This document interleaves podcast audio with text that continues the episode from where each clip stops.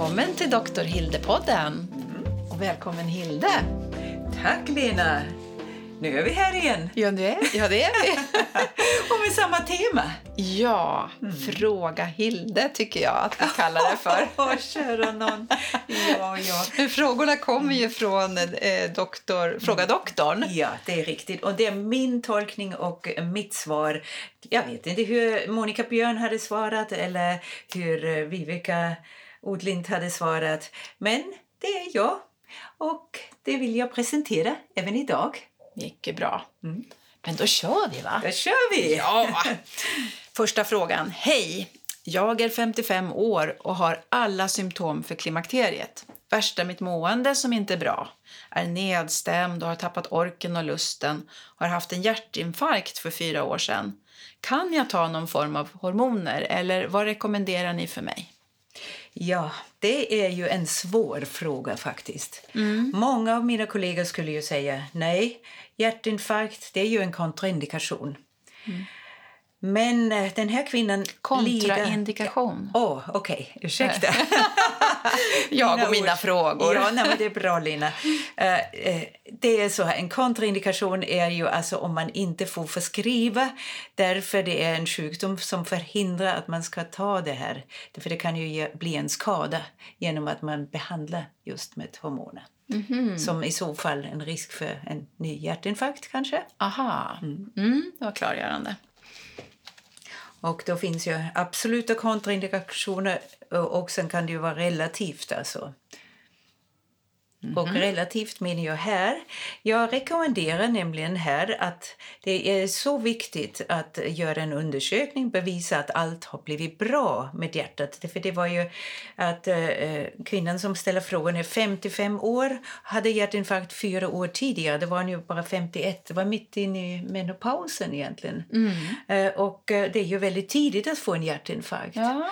Och nu är ju frågan, eh, är du eh, frisk nu eller är du eh, sjuk på många sätt? Vilka andra eh, sjukdomar har du i övrigt? Men om du nu är frisk och cirkulationen är stabil, blodtrycket normalt, inga andra obehandlade sjukdomar finns och eh, ja, du har klarat det här jättebra. Mm. Då är du ju relativt ung ändå, med 55. Ja, man har ju nästan halva livet framför sig. Ja. Ja. Och då är eh, alltså tycker jag att man eh, skulle kunna prova en mycket skonsam behandling med hormoner. Men man måste ha det på övervakning.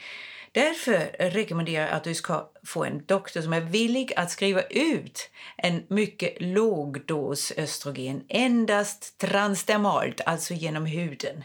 Som till exempel gel eller ett mycket lågt doserat plåster. Bara testa detta. Och till detta, om du har livmodern kvar, bioidentiskt progesteron. Jag menar man måste väga risker mot risker. Alltså, vilket kan dig, få dig att må bättre och få en bättre livskvalitet. Därför om du har så starka klimakteriebesvär så är detta inte heller bra för dina hjärta Och då är det viktigt att stabilisera dina vallningar. Det finns andra möjligheter, Silvaax, liknande naturprodukter, Jag Remifemin och fråga. så. Silvaax, det sa du förut när vi pratade om Ica. Jo, det det. Och så här. Och vad, vad är Silvaax? Ja, alltså egentligen är det ju då namnet Remifemin eller liknande. Det är en, en ört eh, som eh, har visat sig hjälpa väldigt bra mot vallningar. Jaha, Alltså jag har faktiskt gått flera veckor och funderat på vad är thalamus. Den går upp i det här centrum där temperaturregleringen sker. Men den ger ju inte samma effekt på slemhinnorna i övrigt. Men den går framför allt mot de här vallningarna. Men det är det som plågas av mest. Men det är naturkost, eller natur... Ja, det kan du köpa på eh, hälsokosten. Ja, hälsokosten. Inga problem. Det är inte läkare som skriver ut det. Nej, nej. Men det är Okej. Silvaax, ja. Det är det jag menar. Du kan prova det. Och du kan eh, prova andra sojaprodukter, Femarel. Ja, nu ska jag inte göra reklam för någonting, men jag kan ju mest egentligen firmanamnen. Mm. Och eh, då eh, är det ju i alla fall eh, lokala östrogener du kan behandla slemhinnorna med också. Och DHE och vagitorier som jag har sagt. Och allt detta beskriver jag i min bok i alla fall. Mm. Men alltså nu vill jag ju verkligen säga, jag kan inte göra detta om jag inte har träffat dig och pratat med din hjärtläkare och verkligen också kommit överens om att vi testar en behandling därför du mår så dåligt. Det är verkligen viktigt med en konsensus där. Mm. Mm. Bra svar. Ja. Okej, nästa fråga.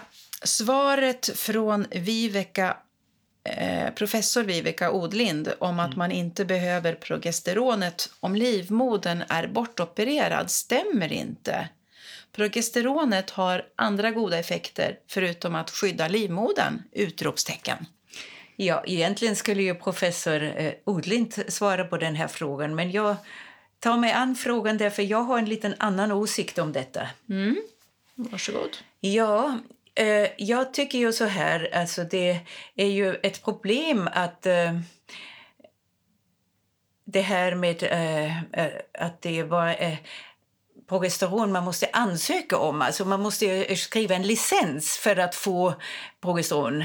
Eh, eh, så som medel mot, mm. eh, alltså för skyddet av livmoderslemhinnan. Och då måste man motivera sig så. Annars om jag skriver ut ett gestagen till exempel till en kvinna med livmodern och bortopererat, då skulle ingen människa reagera. Men här måste man motivera och då säger Läkemedelsverket ja, men det behöver du inte ha därför du har ju ingen livmoder kvar. Så att då, då är det extra viktigt man motiverar på rätt sätt egentligen. Eh, och det rätta är ju faktiskt att det finns forskning att progesteron eh, är bra för, eh, så, eh, så, som medel mot sömnrubbningar. Man har ju i alla fall gjort eh, studier på det. Men det är lite off-label, för det är forskningsresultat. Det står inte ens i tyska FASS om det där. Ja, det. Mm. Men i tyska FASS eh, står det inte heller den indikation som jag menar att progesteron skulle kunna ges vid endometrios. Det är en annan sak. Endometrios, kommer du ihåg vad det var? Det skulle vi ta vid ett, ja, ett, ett separat ja, avsnitt. Men du kan, ja. om jag kommer ihåg vad det var, nej, du får jag... nog påminna mig om vad... Ja, det är väl utanför livmodern som man kan blöda? Ja, precis. Är det, det, det farliga är blödningen med detta. Därför östrogen stimulerar eh, den här livmoderslemhinnan som i så fall är utanför någonstans i buken kanske. Så, eh, och då måste jag skydda slemhinnan så att den aldrig ska blöda. Då blir det ju inga ärrbildningar. Mm. Mm. Och det är alltså det här med endometriosen. Ja, och sen kommer ett tillstånd till egentligen. Eh, det är att eh, i den här fasen när din livmoder blev bortopererad då var du kanske inte ens i menopausen för du hade väl säkert rätt så mycket blödningar. Och det har man ju i perimenopausen. Och då är ju det att östrogen svajar ju upp och ner som vi har pratat om. Mm. Och är ibland ganska högt och ibland lite lägre. Men det fortsätter ju egentligen. För äggstocken opererar man ju inte bort, då har man ju livmodern bort. Det kanske inte tar så lång tid tills äggstocken ändå lägger av. Men det finns en östrogenproduktion och om man då lägger till östrogen bara då kanske kan bli biverkningar av för mycket östrogen. Och då skulle man ju egentligen kunna balansera just östrogen med progesteron för dessa kvinnor. Det blir faktiskt bättre. En fråga, Hilde. Varför opererar man bort sin livmoder? Vad finns det för skäl för till det? Är det mer, mm. utöver kanske cancer då, tänker jag? Ja, cancer är egentligen det mest allvarliga naturligtvis. Och sen finns det ju alla dessa besvär som kommer eh, som eh, blödningar av olika orsaker. Det kan vara att det är för mycket myom, det kan vara en adenomyos, att livmodern gör väldigt ont när du har mens och också riklig blödning. Sen kan det ju vara såna förstadier till cancer eh, så, som kan vara på sikt farliga och då bestämmer man sig, ja, tar man bort livmodern. Man har gjort sitt, man behöver inte föda flera barn. Mm. Det är med sådana saker egentligen man ja. får tänka på mm. i det här stadiet. Men om man är 20 år då ska man ju verkligen tänka att man inte ska operera bort livmodern mm. för att ha hela livet framför sig om man vill ha barn. Mm. Ja, precis. Okej. Okay. Mm. Bra, nästa fråga. Hej Hilde! Mina vallningar och svettningar på natten började för 8-9 år sedan. Det minskade ett tag för ett år sedan, men har tagit fart igen. Är nu 58 år, snart 59. Har även ledproblem, urinvägsproblem och sömnproblem. Ska jag börja med hormoner eller är det för sent för mig? Ja, nu är det 59 år. Vi har pratat om det här terapeutiska fönstret, window of opportunity. Och det kommer att bli ett, ett avsnitt ganska snart. Men inte än, för nu måste vi ta frågorna. Har massor med frågor först Men det är alltså, window of opportunity är ju just den här tiden direkt efter menopausen fram till 60, eller 10 år fram från menopausen kan man säga. Det är ju det att eh, under den tiden eh, kan man faktiskt eh, ha en möjlighet att förebygga eh, mot såna här eh, ah, vad säger man, åldersrelaterade sjukdomar. Men som sagt, eh, nu är du 59, vi vet inte hur frisk du är i övrigt. Det är det som är viktigt. Men du måste veta att det finns inget medicinskt hinder. Då kan jag verkligen rekommendera att du ska ta en skonsam behåll, eh, behandling. Och i så fall naturligtvis säger jag alltid, alltså skonsam menar jag ändå det som är med en eh, östrogenbehandling genom huden, alltså transdermalt östradiol och progesteron i kapselform att svälja. Det tycker jag är egentligen det som skulle vara det mest skonsamma. Eh, du måste ju betänka att åldersprocessen har gjort sitt också och eh, det går ju inte att allt går att reparera längre.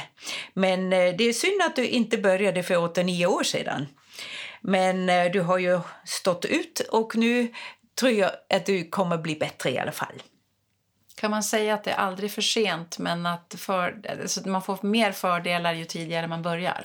Det är riktigt. Men vad behandlar man? Man behandlar symptom, det är det ena, och det andra är den förebyggande effekten. Och Den förebyggande effekten är ju ganska omtvistad, det beror ju på individen, hur frisk den här individen är i övrigt. Men effekt mot vallningar, det har det i alla åldrar, om det verkligen är på grund av eh, alltså det här påverkan på temperaturcentrum. Och som du har sagt då förut, att man ska inte härda ut i onödan när det finns hjälp att få. Ja, Helst, eh, för, för, kvinnans skull. Ja. Men det inte. går ju inte alltid att skriva ut hormoner även i högre ålder. Det finns ju de här så kallade kontraindikationer. Ja, just det. Och då kan man inte få Nej, hormoner. Inte alltid. Nej, inte och, alltid. eh, man kräver ju alltså ändå en övervakning då också så att man verkligen tänker på det. Okej. Nästa fråga. Hur lång tid kan det ta innan man känner en förbättring i leder, humör etc. efter att man påbörjat en hormonbehandling? Ja, det kan ta några dagar till veckor. Men en liten dos kan det ta en lite längre tid. Men du slipper kanske biverkningar. Sedan beror det på den enskilda individens känslighet. Men det är bara att prova. Och har du en god effekt eh, då, eh, ja, då är det ju bra. Du behöver dock återkoppla till din läkare om du känner dig osäker på biverkningar. Det kan vara bröstspänningar till exempel, men det går ju över efter en tid. Mm. Eh, undrar om östrogenbrist påverkar mage-tarm negativt. Det är ju också slemhinnor. Fått stora problem i menopaus, säger en annan. Oj, ja. Det här med slemhinnor, det finns ju i hela kroppen. Alltså vi har slemhinna då alltså i tarmen, det är så rätt så. Magetarm, munslemhinna.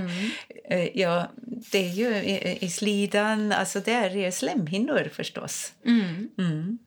Och Just det. eh, då eh, är det ju nära till hands att man tänker att östrogen kan påverka även mag-tarmslemhinnan. Ja, varför inte? Ja, ja, det beror ju på hur många receptorer man har i de enskilda organen. Och då är det ju alltså mest receptorer för östrogen i livmodern ändå och i, i, i slidan. Men eh, det, med tarmen tror jag nog, alltså det hänger ändå ihop med eh, livsstil och eh, näring och dina egna personliga förutsättningar. Det finns ju något som är känt som mikrobiom, alltså dessa bakterier som styr din grovtarm. Och de bestämmer över mycket. Det är eh, naturligtvis väldigt känsligt med kosten men också känsligt med stressen. Och efter menopausen kan du eh, kanske bli känsliga för allt därför du har ju blivit lite äldre också. Eh, och östrogen har effekt på all bindväv vilket finns i hela kroppen och eh, påverkas också av andra hormoner. Och kortisol, stresshormonet, ni vet, får ett större utrymme när östrogen saknas. Allt detta bidrar. Men i tarmslemhinnan är det ju naturligtvis inte lika många såna östrogenreceptorer. Så då kan man ju inte jämföra riktigt med livmodern naturligtvis. Ja, alltså jag tror ändå att eh, eh, det blir en bättre tarmhälsa om du i allmänhet mår bättre. Det är ju alltid det där med sömnen och med, med psyket och eh, naturligtvis våra berömda svallningar, som vi sa förut. Det. Allt det här kan ju påverkas positivt. Viktigt naturligtvis att du tänker på vad, vad du äter och eh, att du minskar stressen. Mm. Hilde står det här. Du nämnde något om hormoner och gallan. Kan man ta hormoner även om man saknar gallblåsan? Ja, alltså en gallblåsoperation är ju oftast därför man har så många gallstenar. Mm. Så att, eh, det är ju det att jag menar det är ju eh, en gallblåssjukdom. Då är det ju en inflammation i gallblåsan. Alltså, och eh, gulsot, leversjukdom och allt sånt här är ju en kontraindikation. Alltså återigen, att man inte ska ta hormoner. Eh, därför är inte sådana hormoner som går via levern i alla fall, är det viktigt att veta. Eh, därför det, det är ju då att vi har pratat om det här, det passerar ju mag-tarmkanalen sen via levern och ut i blodbanan istället för det som går via huden direkt in i blodbanan. Mm. Så levern blir påverkad lite. Men om äh, gallblåsan är opererad och inga besvär finns, det är klart att du ska kunna ha en hormonbehandling även med tabletter tror jag. Men jag skulle nog vara lite försiktig. Jag skulle nog ändå rekommendera Transdermalt. Det är mer skonsamt. Mm. Okej. Okay. Hjälper naturläkemedel som Balans Plus och Femarel mot klimakteriebesvär? Ja, här kommer namnet. Ja, ingen Så, reklam. Nej, nej. nej, vi har inga sponsorer faktiskt. Nej, det har vi, vi har inte. inte det. Nej. Så det gör vi bara själva här. Men i Tyskland är det självklart att doktorn skriver ut först växtbaserade naturläkemedel mot klimakteriebesvär. Men här, eh, det har jag pratat om förut, har vi ju alltså som doktorer inte eh, något kunskapsläge om detta riktigt. Därför vi ja, får inte så mycket information eh, ja, inom utbildningen och eh, även senare är det ju... Här i Sverige? Ja, mm. är det lite sådär... Alltså, vi förskriver ju inte det. Jag tycker det vore mycket bättre om det, eh, vi kunde förskriva detta. Lite, mera, lite mera tyskt sätt ja, i Sverige. För då, då, då blir man ju uppmärksam på det på ett helt annat sätt. Och det skulle ju ingå i terapiplan i så fall. Mm. Men det finns ju en del eh, omfattande eh, forskning kring naturläkemedel. Och eh, mot farmaindustrin är det ju inte så lätt att hävda sig. Nej. Eh, det är ju så att farmaindustrin är ju väldigt dominant här hos oss. I Sverige, ja. Ja, mm. det kan man säga. Mm. Men eh, eh det är ju ändå komplicerat med dessa eh, östrogenliknande växthormoner. Därför de kan ju ha en stimulerande och en hämmande effekt vilket kan vara en väldigt stor fördel om de inte ställer till för mycket för brösten till exempel. Eh, effekten är dock lite oförutsägbar eh, och det kan vara en god idé att testa dessa preparat i början av klimakteriet. Okej, okay. intressant. Här kommer en till fråga. Har tidigare testat testosterongel för sexlust. Tyckte det gav bättre sexlust och lite mer energi men fick kämpa, tjata, åka till Stockholm med mera. Jaha, tjata för att få det här, mm. antar jag. Mm. jag kan tänka för att ja. få det till mm. slut blev det så omständigt att jag gav upp men tänker försöka igen. Har ni tips hur jag ska gå tillväga? Ja, det är återigen så det är centrum Stockholm. Jag vet inte. Men vi är ju många doktorer i Stockholm Mm. och på landet är det ju inte så många. Det är ju det som är problemet, är att få tillgång till vård. Mm. Men eh, sen är det ju också tillgång till testosteron, vilket är off-label. Det har vi ju pratat om förra avsnittet. Alltså off-label, att eh, det är eh, ansvar till doktorn att förskriva detta och eh, skriva till eh, alltså apoteket. Och det att gör man apoteket ska inte lämna ut det så här. ofta i Sverige. Det fanns ju förr, det hette extempore förskrivning. Då har man ju till, alltså, eh, man, producerat läkemedlet eh, där och, gjort det till piller eller extrakt eller tinktur eller vad det nu kan bli. Eh, det, det är det det gamla? Ursäkta, men ja, det? Tinktur, det gamla sättet hur man gjorde mediciner. Kommer du ihåg med medicinflaskorna med olika extrakt av örter eller Mm. Ja. gifter eller Ja. allt möjligt? Det är ju vansinnigt farligt om man tar och, och låter ett barn svälja sånt här. Mm. Så det fått stå högt upp i, i skåpet hemma. Mm. Men det är såna saker. Nu är det ju piller istället oftast. Men eh, i alla fall extempore förskrivning eller off-label från doktorn att det eh, finns i Sverige. Off-label är ju mer så i så fall det finns ju ett läkemedel men det är inte det samma syfte som man vill ha. Alltså som klimakteriebehandling eh, finns ju inte för progesteron som jag sa. Eh, det som vi har tillgängligt i Sverige det är för mi- eh, undvika missfall. Det sa jag i förra avsnittet, kommer du ihåg? Mm. Men nu har vi testosteron. Ja, alltså testosteron är off-label för det finns inte för kvinnor, det finns bara för män. Och då är det ju eh, alltså lite problematiskt som sagt. För män skulle ju ha tio gånger så mycket jämfört med kvinnan om man skulle dosera rätt.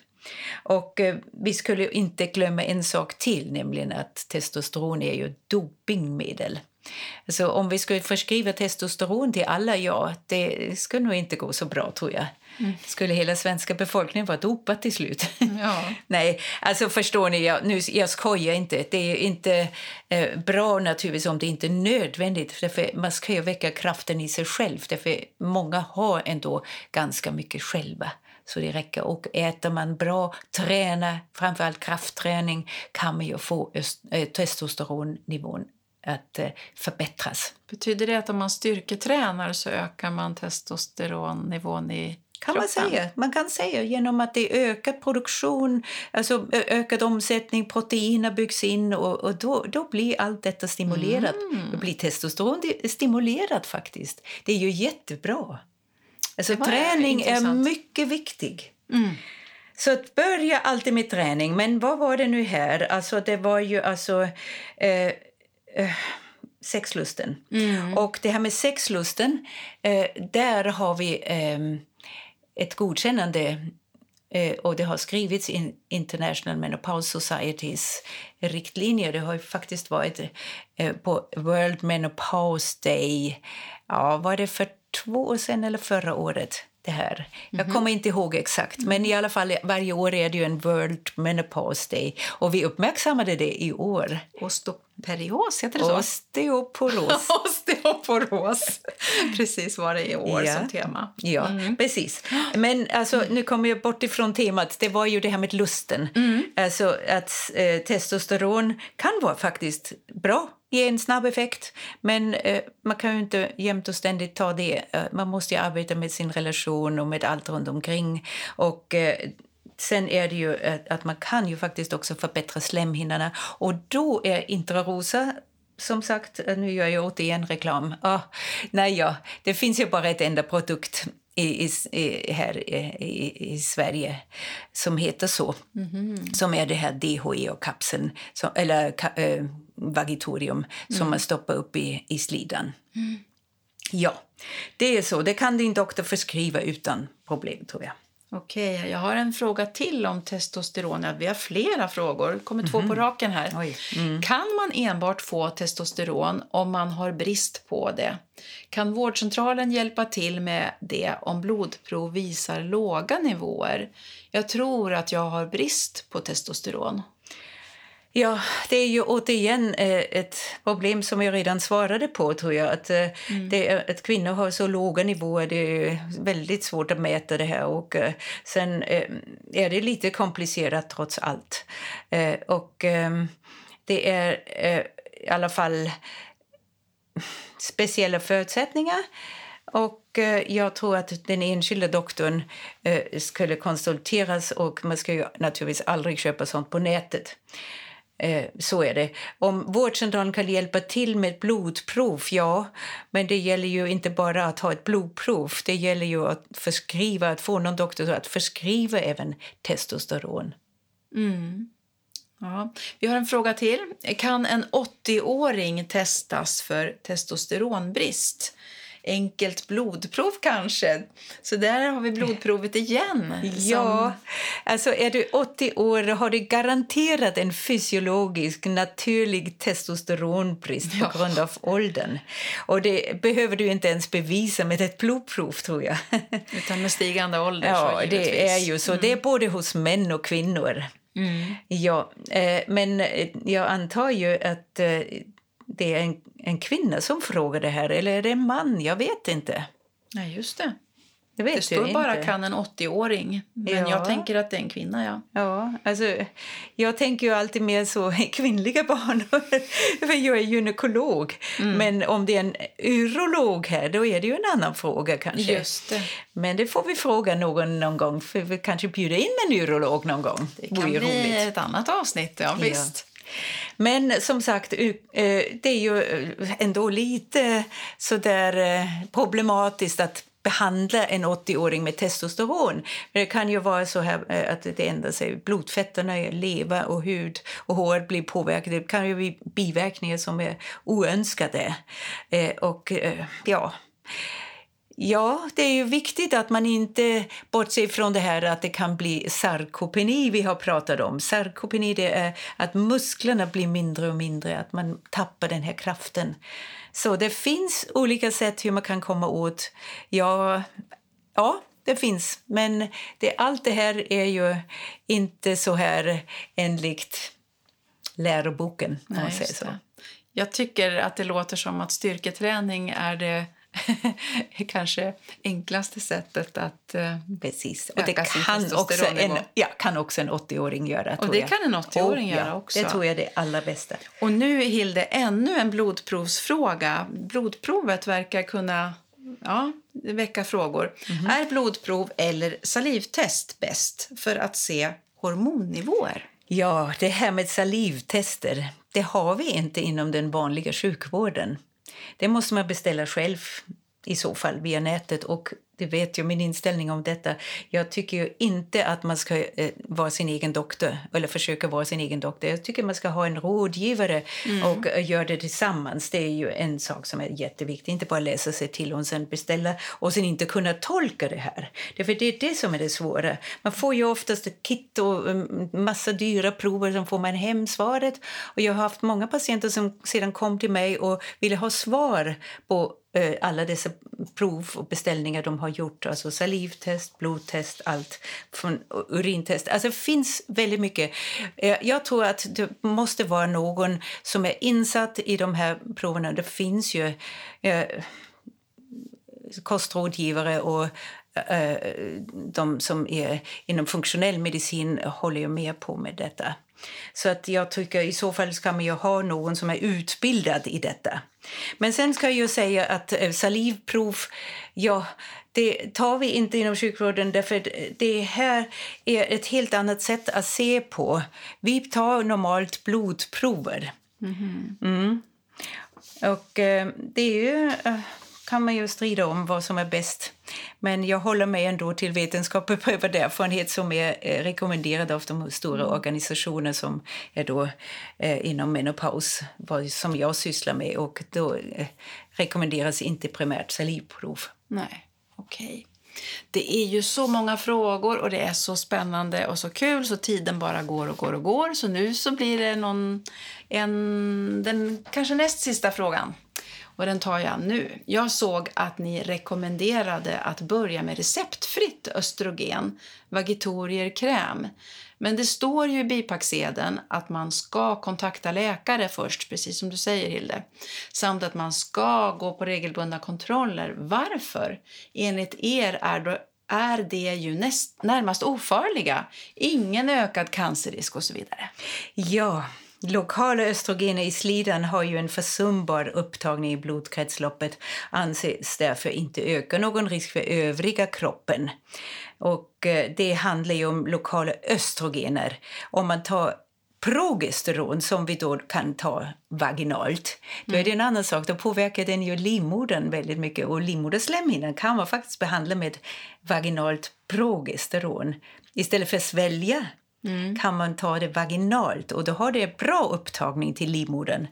Men östrogen där är det i så låga doser inga problem. Därför det är i så fall eh, något eh, sånt där östri, östradiol piller som är 10 mikrogram. Det är ju väldigt, väldigt liten dos. Så det är försumbart. Men det är inte noll. Alltså bröstcancerpatienter kan, ja, anses inte kunna ta det. Då ska ju då ta Blissel. Alltså det är ju väldigt starkt eh, omtvistad av vissa bröstonkologer. Eh, eh, men jag och många kollegor tycker ju att eh, östrogen är jätteviktig för slemhinnorna slemhinnan och att man kan hjälpa lokalt. Och att det skulle inte vara någon större risk för kvinnan som mm. har haft en bröstcancer. Alltså Blissel är ju godkänd och det har gjorts studier på detta.